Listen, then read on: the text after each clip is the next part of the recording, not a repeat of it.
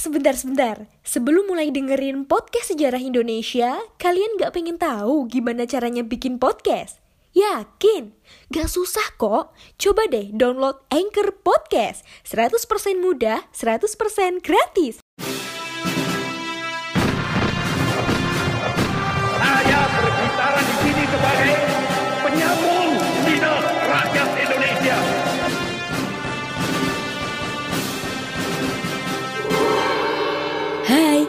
Kalian sedang mendengarkan Poseidon, podcast sejarah Indonesia. Ngomongin masa lalu dengan gaya masa kini. Assalamualaikum warahmatullahi wabarakatuh Salam jumpa kembali lagi bersama saya Taufik Harpan Aldila Di Podcast Sejarah Indonesia Podcast yang bikin kalian gagal move on masih ya teman-teman. Apa kabar kalian? Ya ampun. Podcast Sejarah Indonesia udah masuk season 2 nih. Dan saya ucapkan terima kasih kepada teman-teman Yang udah setia banget dengerin Podcast Sejarah Indonesia. Dan sekali lagi kami gak akan seperti ini Kalau misalkan gak ada kalian gitu ya. Jadi uh, sekali lagi thank you banget Udah benar-benar setia menjadi pendengar Podcast Sejarah Indonesia. Dan pada kesempatan kali ini seperti biasa akan selalu ngebahas tentang ya masa lalu, masa lalu dan masa lalu gitu ya. Gak akan ngebiarin kalian itu move on gitu. Jadi ngomongin tentang masa lalu dan pada kesempatan kali ini kita akan ngomongin tentang kemaritiman kerajaan. Nah, kerajaan apa? Kerajaan Hindu Buddha.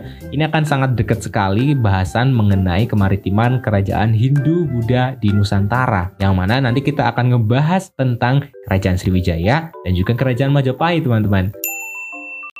Oke, materinya adalah ini. Tapi sebelumnya kita nyanyi dulu ya. Nenek moyangku seorang pelaut gemar mengarung luas samudra. Pernah inget lagu itu nggak sih?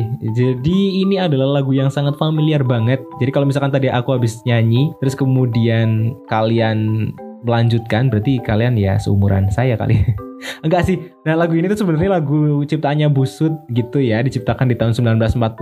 Lagu ini diciptakan sebagai gambaran tentang tangguhnya nenek moyang Indonesia ketika itu di dalam dunia kemaritiman gitu. Ngomong-ngomong tentang kemaritiman, ada yang masih belum ngeh nih apa sih kemaritiman gitu ya, maritim, maritim itu apa gitu.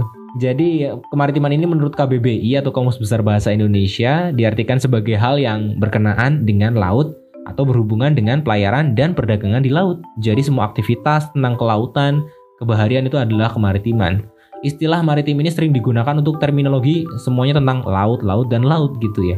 Ada syaratnya teman-teman. Jadi syaratnya adalah bila mana uh, negara tersebut dikatakan sebagai negara maritim. Negara tersebut dikatakan sebagai negara maritim adalah uh, yang jelas daerah teritorial lautnya lebih luas dibandingkan dengan daratannya. Uh, dapat diartikan juga bahwa negara maritim ini memiliki banyak pulau. Selain itu juga negara maritim memiliki wilayah kekuasaan laut yang luas dan tersimpan sebagai kekayaan sumber daya alam. Oke, yuk kita lihat Indonesia itu seperti apa dari pengertian yang tadi sudah saya sampaikan itu adalah kita bisa melihat uh, bahwa Indonesia ini juga termasuk maritim gitu ya. Hari ini berdasarkan dari data Direktorat Jenderal Pemerintahan Umum yang menyebutkan bahwa Indonesia tercatat memiliki 17.504 pulau. Luar biasa. Selain itu, 2 per 3 wilayahnya merupakan lautan sehingga memungkinkan Indonesia untuk memiliki angkatan lautnya sendiri. Dengan luas wilayah tersebut juga tentunya menyimpan banyak banget potensi sumber daya alam ya. So, buat kita semua nggak hanya fokus ke agraris ataupun kemudian di daratan aja gitu. Ternyata laut kita itu menyimpan banyak banget sumber daya yang harus benar-benar kita jaga ya teman-teman. So inilah cara menjaga Indonesia gitu ya. Nah teman-teman seperti yang kita ketahui bahwa kemaritiman Indonesia kan gede tuh, terus kemudian benar-benar diakui dunia. Sebenarnya pernah ada masa keemasan tentang kemaritiman Indonesia teman-teman. Jadi Indonesia itu me mencapai titik puncak keemasan kemaritimannya adalah pada masa kerajaan-kerajaan gitu. Nah, kerajaan ini adalah kerajaan Hindu Buddha yang mana sebenarnya dimotori oleh uh, digawangi oleh dua kerajaan besar ketika itu yang sempat benar-benar gede dan menguasai wilayah hampir se-Asia gitu ya. Jadi luar biasa banget di sana ada kerajaan Sriwijaya dan juga kerajaan Majapahit. Sebenarnya ada juga kerajaan-kerajaan Islam gitu ya. Tapi kemudian kita bahas dua ini aja dulu, Sriwijaya dan juga Majapahit. Uh, dua kerajaan ini yang kemudian menjadi salah satu simbol kekuasaan ataupun kemudian kekuatan Indonesia di dalam dunia kemaritiman. Sejak masa praksara, masyarakat Indonesia ini sebenarnya sudah sangat mahir banget dalam dunia pelayaran, modelnya seperti itu, pelayaran kuno gitu ya. Jadi kalau dulu itu nggak yang kayak sekarang pakai diesel dan kemudian pakai turbojet, mesin turbojet apa segala macam belum, masih pakainya layar, masih pakai cadik kayak gitu. Jadi mereka memang benar-benar mengandalkan teknologi-teknologi yang yang zaman dahulu bisa dipakai modelnya seperti itu. Kalau misalkan teman-teman mau melihat bukti nyatanya bagaimana kemudian di masa-masa sebelumnya jauh di masa nenek moyang kita itu sudah memakai perahu, coba aja main ke Borobudur teman-teman. Nah, di Borobudur itu ada relief Karma Bangga. Teman-teman coba lihat di sana itu ada gambar perahu bercadik di situ kalau misalkan kalian mau memahami bahwa itu adalah gambaran yang yang bisa mengartikan Indonesia ini juga dalam bidang maritimannya sudah canggih pada masanya gitu ya. Jadi inilah suatu hal yang bisa dikatakan membanggakan. Gitu. Oke kita masuk ke pembahasan tentang kerajaannya teman-teman.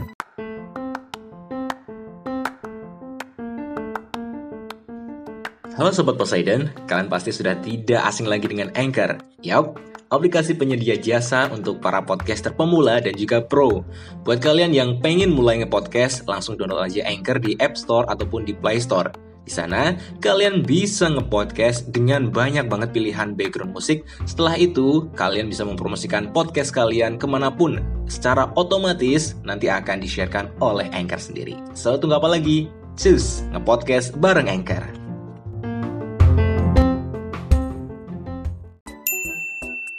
Yang pertama adalah Kerajaan Sriwijaya. Kerajaan Sriwijaya ini berdiri pada abad ke-6 Masehi, merupakan kerajaan bercorak Buddha dan wilayah kekuasaannya terbentang di berbagai negara yang masuk dalam ASEAN sekarang gitu. Jadi kalau misalkan teman-teman mau membayangkan nih wilayah Sriwijaya gitu ya, ataupun nanti lihat di peta juga nggak masalah, tapi dibayangkan aja wilayahnya adalah ASEAN sekarang gitu. Jadi di Asia Tenggara itu adalah uh, cakupan wilayahnya dari Kerajaan Sriwijaya luar biasa banget ya. Kalau misalkan di Indonesia sendiri ini meliputi Sumatera, ada pesisir barat Kalimantan hingga Jawa di bagian barat gitu kan. Nah, pusat kerajaan Sriwijaya ini menurut prasasti dan juga beberapa sumber mengatakan terletak di antara Bukit Siguntang, Soba Kingking atau di Palembang ya. Jadi kalau yang ingat pempek Palembang ya wilayah situlah di Sumatera Selatan. Sama dengan letak kerajaan uh, Sriwijaya, Indonesia juga terletak pada posisi yang strategis gitu ya. Sekarang kalian buka peta kalian sembari kalian mendengarkan gitu kan, dilihat wilayah Sriwijaya itu adalah wilayah di sekitar Selat Malaka di sana. Nah,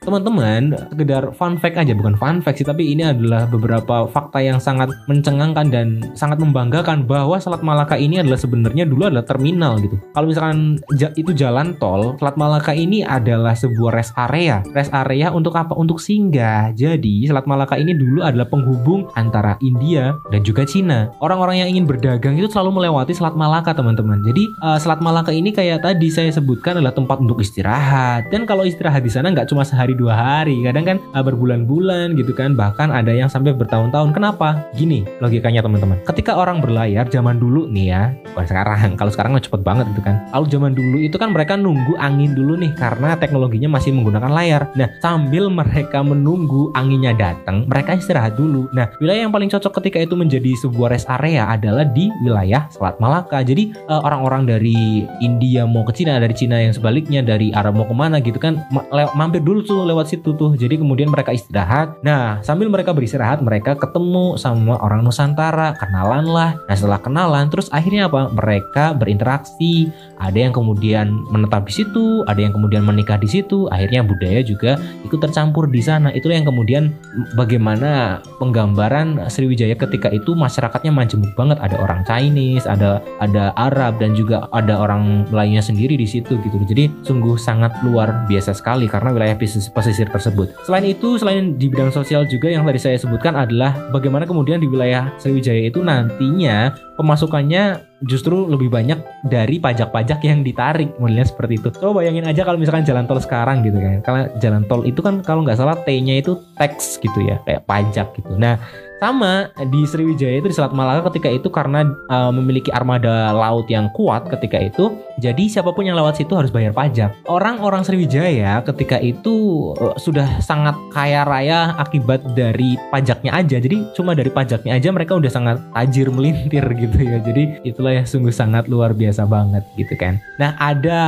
juga beberapa raja-raja yang memerintah ketika itu ada Dapuntahyang, ada uh, Raja Wisnu, ada Balaputra Dewa dan Sri Sanggaram gitu kan. Dari beberapa kebijakan-kebijakannya ada pula kebijakan-kebijakan yang bersifat kemaritiman teman-teman. Nah ini salah satunya adalah membawa bala tentara untuk melaksanakan sebuah ekspansi wilayah gitu kan. Nah membangun Taman Sri Kestra diperuntukkan bagi kemakmuran masyarakat umum pada masa Dapuntahyang. Nah pada masa Wisnu ini di tahun 773 Masehi mendirikan kota Ligor untuk menguasai jalur pelayaran dan juga perdagangan di Selat Malaka. Bukti ini tertulis pada Prasasti Ligor tentunya ya. Jadi kalau misalkan teman-teman nanti ngebaca lagi di Prasasti Ligor itu ada pembuatan kota. Ada sebuah kota di sana gitu kan kayak bandar-bandar gitulah. Kemudian untuk apa?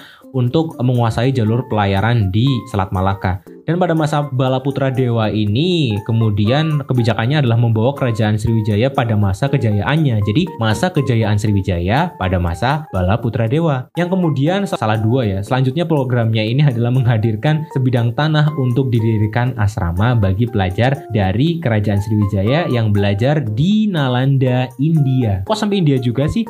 Kok Nalanda? Kenapa? Nah, nanti ada ceritanya kenapa kok kemudian Indonesia hubungannya dengan India sangat erat banget. Nah, pada masa Sri Sanggaram ada juga program yang dilaksanakan yaitu dalam kitab Arjuna uh, Wiwaha karangan Empu Kanwa uh, menerangkan kerajaan Sriwijaya ini diserang oleh kerajaan Chola atau Chola Mandala dan Ratu Sri Sanggaram ini di Sandra. Nah, atas bantuan dari Erlangga, Raja Erlangga ya, yang kerajaan Sriwijaya berhasil dibebaskan dan juga Erlangga dinikahkan dengan Ratu Sanggaram Mawarjaya. Jadi, ya dulu masih kayak gitu gitu. Jadi, pernikahan terus kemudian apa ekspansi wilayah masih menjadi sesuatu hal yang yang bisa dilakukan, benar seperti itu. Nah, kerajaan Sriwijaya ini berkembang dinamis di bawah pemerintahan raja-raja tersebut. Perkembangan kerajaan Sriwijaya di beberapa aspek seperti politik, sosial, ekonomi, dan juga budaya turut serta mewarnai kehidupan berbangsa dan juga bernegara kita hingga sekarang. Jadi, adalah masih beberapa yang ditinggalkan oleh kerajaan-kerajaan Sriwijaya, termasuk kayak program-programnya dan juga sistemnya yang kemudian masih bisa kita adopsi di kehidupan sekarang. Kita ngebahas tentang aspek politiknya di kerajaan Sriwijaya nih teman-teman. Nah, kerajaan Sriwijaya itu di aspek politiknya kita bisa melihat kebijakan-kebijakannya dari beberapa prasasti-prasasti yang muncul. Ada prasasti Kedukan Bukit nih. Nah, prasasti Kedukan Bukit ini ditemukan di daerah Kedukan Bukit. Jadi biasanya kalau prasasti itu namanya diambil dari nama wilayah ditemukannya prasasti tersebut. Di sepanjang Sungai Talang dekat Palembang. Nah, isinya apa sih? Isi prasasti ini menjelaskan tentang Raja Dapuntahyang dari Kerajaan Sriwijaya yang membawa 20 bala tentara tadi dan berhasil menaklukkan Minangatamuan. Yang diperkirakan ini adalah di wilayah Jambi. Yang kedua adalah Prasasti Kota Kapur. Prasasti Kota Kapur ini uh, berangkat tahun 686 Masehi ditemukan di Pulau Bangka. Prasasti ini menyebutkan bahwa kerajaan Sriwijaya berusaha menaklukkan bumi Jawa yang tidak setia kepada Sriwijaya. Adapun yang dimaksud bumi Jawa itu adalah ketika itu kerajaan Tarumanegara dan uh, sekarang terletak di yang yang dulu itu kalau misalkan dipetakan itu ya di wilayah Bogor, Jawa Barat gitu kan. Jadi wilayah Kerajaan Sriwijaya itu juga mengekspansi wilayah Jawa gitu kan, tapi uh, gagal beberapa kali gagal karena tangguhnya juga wilayah uh, wilayah Jawa bagian barat itu karena sudah ada kerajaan juga ketika itu yang yang menyaingi Kerajaan Sriwijaya gitu kan. Yang selanjutnya ada prasasti Kera, uh, Karang Birahi Karang Berahi ya. Prasasti Karang Berahi ini berangkat tahun 686 juga. Prasasti ini ditemukan di daerah pedalaman Jambi yang menunjukkan penguasaan daerah tersebut oleh Sriwijaya biasanya kayak gitu. Jadi kayak patok-patok wilayah dan prasasti. Jadi di sini tertulis siapa-siapa kalau prasasti kayak gitu gitu ya. Dan selanjutnya adalah prasasti Ligor. Nah, prasasti Ligor ini yang tadi juga disebutkan udah di awal gitu kan berangkat tahun 775 ditemukan di Malaysia. Prasasti ini menyebutkan tentang pendirian kota Ligor di Semenanjung Malaya agar lebih dekat pengawasan pelayaran perdagangan di Selat Malaka. Selanjutnya untuk menjamin kekuasaan kerajaan, pemerintahan Sriwijaya ini membuat sebuah kebijakan pengambilan sumpah bagi semua kalangan agar setia kepada Sriwijaya. Kebijakan ini kemudian ditulis pada prasasti Telaga Batu. Tulisan pada prasasti ini memiliki 28 baris dengan huruf Palawa dan memakai bahasa Melayu kuno. Sebenarnya sih teman-teman secara garis besar peraturan ini atau sumpah ini jadi kalau misalkan dulu itu ada sumpah serapah ya kayak gitulah dan kemudian uh, kayak perjanjian yang harus kemudian dipegang. Kalau misalkan sumpah itu kemudian dilanggar, maka yang terjadi adalah mereka harus kena hukuman, entah itu dibunuh, diusir dan yang lain sebagainya. Jadi kayak gitu. Tujuannya adalah untuk mereka itu solid, tetap solid di dalam satu negara, tetap solid di dalam satu organisasi mereka untuk tidak melenceng, seperti itulah. Jadi inilah yang kemudian membuat Sriwijaya ketika itu kuat gitu ya. Nah, kita geser ke aspek sosialnya teman-teman. Dari aspek sosialnya ini sebagai kerajaan maritim yang menguasai wilayah perairan laut perdagangan dunia, maka penduduk kerajaan Sriwijaya ini banyak berinteraksi dengan orang-orang di berbagai belahan dunia termasuk dengan pedagang dan juga para pendatang gitu ya. Para pedagang selain berdagang juga menyiarkan agama. Penduduk kerajaan Sriwijaya bersifat terbuka terhadap hal-hal baru, misalnya masuknya ajaran agama Buddha dari India dan juga ada Hindu dan yang lainnya uh, bahkan Islam pun ya uh, nanti di generasi selanjutnya itu juga bisa diterima. Nah, ini juga disebutkan dari beberapa penelitian juga bahwa orang-orang pesisir ini cenderung lebih terbuka dibandingkan dengan orang-orang yang lebih masuk ke pedalaman gitu ya. Iya, mungkin seperti itu ya. Karena memang dulu itu memang perubahan dan juga kemudian perkenalan sebuah budaya dan kemajuan serta pembangunan biasanya memang dimulai dari wilayah pesisir karena mereka kedatangan dulu orang terus kemudian dibangun apa, otomatis kemajuannya akan dimulai dari sana gitu kan. Jadi kalau misalkan sekarang pun mungkin hampir sama gitu. ya. Kota-kota besar yang menjadi ibu kota provinsi biasanya itu juga di wilayah-wilayah uh, dekat-dekat laut gitu ya. Ya, ya nggak semua tapi beberapa gitu. Kalau misalkan kayak Jakarta, terus kemudian ada uh, sekarang Semarang. Semarang juga di wilayah pantai kan itu ibu kota provinsi juga gitu kan.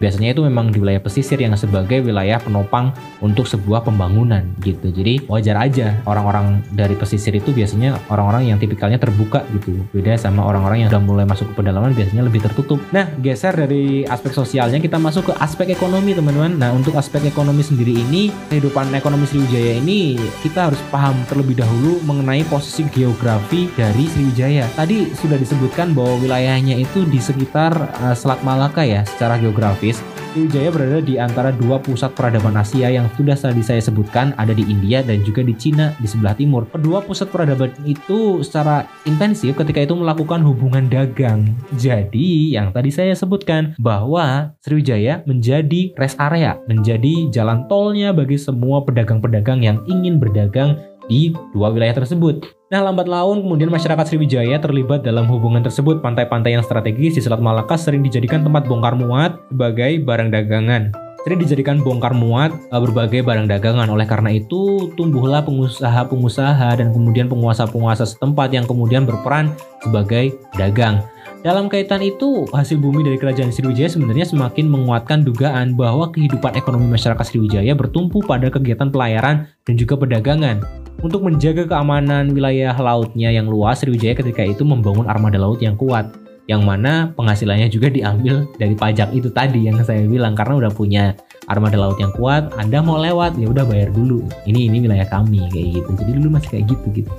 Nah, bergeser dari wilayah perekonomian gitu kan ke aspek budayanya atau enggak kehidupan masyarakat Sriwijaya yang sangat uh, dibanggakan adalah pada saat Sriwijaya menjadi pusat pengajaran ajaran Buddha di Asia Tenggara. Nah, ini dia. Para pendeta yang berasal dari wilayah sebelah timur Sriwijaya seperti Cina dan juga Tibet banyak yang menetap di Sriwijaya. Tujuan mereka ini sebenarnya adalah belajar ajaran Buddha sebelum mereka belajar ke India yang merupakan tanah asal lahirnya agama Buddha gitu. Pada tahun 1011 dan juga 1023 ini datang seorang pendeta Buddha dari Tibet untuk memperdalam pengetahuannya tentang agama Buddha di Sriwijaya. Pendeta itu bernama Atisa dan menerima bimbingan langsung dari guru besar agama Buddha di Sriwijaya, yaitu Dharma Kitri. Hal lain yang berkaitan dengan itu ialah mengenai adanya pemberitaan bahwa pada tahun 1006 ini Raja Sriwijaya ketika itu yang namanya adalah Sang Grama Wijaya Tunggawarman mendirikan sebuah wihara di India Selatan yaitu di Nagipatana Wihara ini dilengkapi dengan asrama yang dikhususkan bagi tempat tinggal para biksu yang berasal dari Sriwijaya. Jadi gini, orang dari Sriwijaya ke India untuk belajar uh, Buddha di sana. Nah, biasanya karena orang-orang ingin belajar ke wilayah India juga, nah mampir ke Sriwijaya dulu nih. Caranya mungkin persiapan dulu nih. Persiapannya di wilayah Sriwijaya dulu, habis itu barulah uh, menimba ilmu di tempat aslinya yaitu di Indianya. Modelnya seperti itu. Jadi secara budaya hal ini jelas menunjukkan bahwa raja-raja Sriwijaya ketika itu memiliki perhatian yang besar banget dengan pengembangan budaya dan juga pendidikan. Kalau misalkan ngomongin religi, pasti dekat banget dengan budaya gitu kan. Khususnya mengenai pendidikan pengajaran agama Buddha. Di masa setelah kerajaan Hindu Buddha berdirinya lembaga pendidikan keagamaan selanjutnya ini juga berkembang gitu ya dan, dan ini juga ditiru di selanjutnya yaitu adalah bagaimana kemudian model-model pondok itu hampir mirip seperti ini. Itu yang diadopsi di pendidikan-pendidikan sekarang kayak kayak boarding school dan yang lain sebagainya gitu ya. Oke teman-teman itu pembahasan mengenai pengantar dari kemaritiman dan juga Sriwijaya sebagai kerajaan maritim di Nusantara yang bercorak Hindu Buddha tadi gitu ya yang bercorak Buddha yang kemudian bisa diserap materinya. Mungkin gambarannya bisa teman-teman serap gitu ya perlahan-lahan terus kemudian dipahami bahwa dulu itu ternyata besar banget nih Sriwijaya. Gak cuma Sriwijaya teman-teman, habis ini kita akan ngebahas tentang Majapahit gitu ya yang memang benar-benar gede banget. Mungkin kekuasaannya lebih gede daripada Sriwijaya gitu, tapi paling tidak Sriwijaya dan Majapahit ini adalah dulu penguasa yang sangat-sangat powerful gitu ya. Jadi benar-benar totalitas banget dalam hegemoni kekuasaannya gitu. So untuk ngedengerin tentang pembahasan kemaritiman di Majapahit, eh, dengerin di part 2-nya ya dan tetap stay tune di podcast Sejarah Indonesia. Jangan lupa untuk berlangganan di Spotify untuk kalian yang belum berlangganan dan apabila kalian ingin memberikan kritik dan saran silahkan langsung tujukan saja di podcast sejarah at gmail.com ataupun di DM Instagram kita. Follow juga ya Instagram kita. Gitu teman-teman demikian pembahasan kita pada kesempatan kali ini. So kita ketemu lagi di kesempatan selanjutnya. Saya Taufik undur diri dan jangan lupa tetap menjaga kesehatan ya teman-teman. Nah, saya akhiri. Selamat malam. Assalamualaikum warahmatullahi wabarakatuh. Terima kasih.